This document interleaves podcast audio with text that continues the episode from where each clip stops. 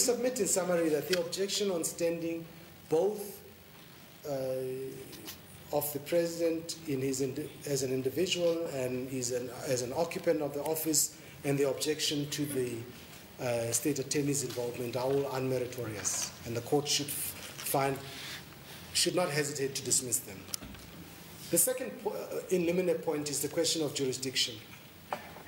My lady and my lords, this question has been decided by the full court in the interim relief application. We accept that when a court sits in order to consider interim relief, generally the findings it makes are not binding on a subsequent court determining the same issue. But, my lady and my lords, the question of jurisdiction stands on a different footing. You will know from established authority that even a any judgment on jurisdiction, whether it is on exception or it is on an interim relief, where the court says, I have jurisdiction, that finding, that judgment is appealable because it is final in the old sense, as in the Zweli case, the old sense of finality.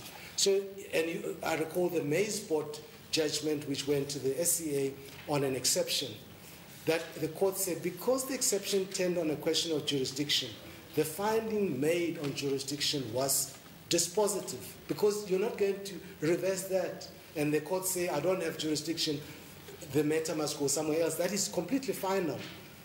So, with respect to our learned friends, the starting point is not on a blank page, as, the, as, as it were.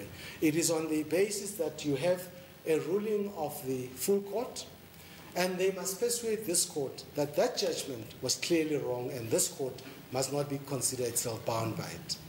They have uh, attempted to do that. They raise about four arguments. We submit with respect that all of those arguments have no merit. In fact, they are not supported by the very judgments on which they rely, and I will demonstrate that. They, Sorry, your submission is that that Part A judgment is binding on this, this court.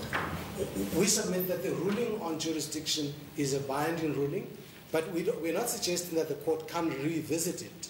The court is entitled to say, to find that, yes, there was a ruling, but it's clearly wrong, we're not bound by it. As in the, the usual rule on, on, on stare decisis is that the same, as this is a full court and that was a full court, you can find that that judgment was wrong, and therefore you must uh, determine the issue of jurisdiction afresh. We're not suggesting that this court mustn't hear the objection. No, we're not saying that.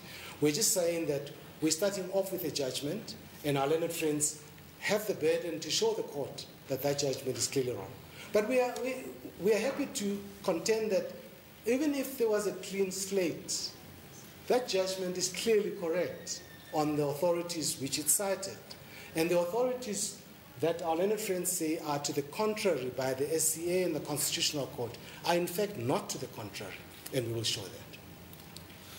And, and yes, uh, Justice Butler, uh, I think that was very appropriate to set it on the right footing. I, I, I accept the question. And, and the judgment of the full court in the interim relief is at page 5838. I'm not going to take the court to that judgment because the court will have looked at it and has, uh, has seen the reasoning there. The first point on which we all agree is that jurisdiction is determined on the pleadings and not uh, on the merits. So even if we are wrong on all the allegations we've made, for purposes of jurisdiction, the court uh, accepts the pleadings as they are and determines whether on the pleaded case i- there is jurisdiction.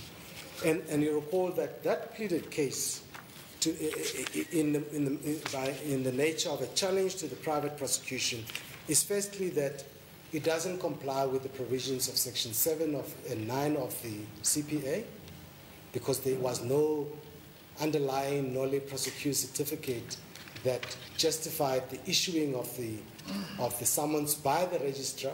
The act is very clear. No private prosecution will take out a summons without a nolle prosequi certificate. And we will be submitting to the court that although there is on the face of it a, pro, a, a nolle prosequi certificate, on all the common cause facts, it's clear that that nolle prosequi certificate had nothing to do with the applicant, nothing to do with the president, had to do with other people. That's the first point. The second point we make, and I'm, I'm just doing this for purposes of jurisdiction. The second point we make is that the private prosecution is for an ulterior purpose, constitutes an abuse of court, of pro, uh, court process.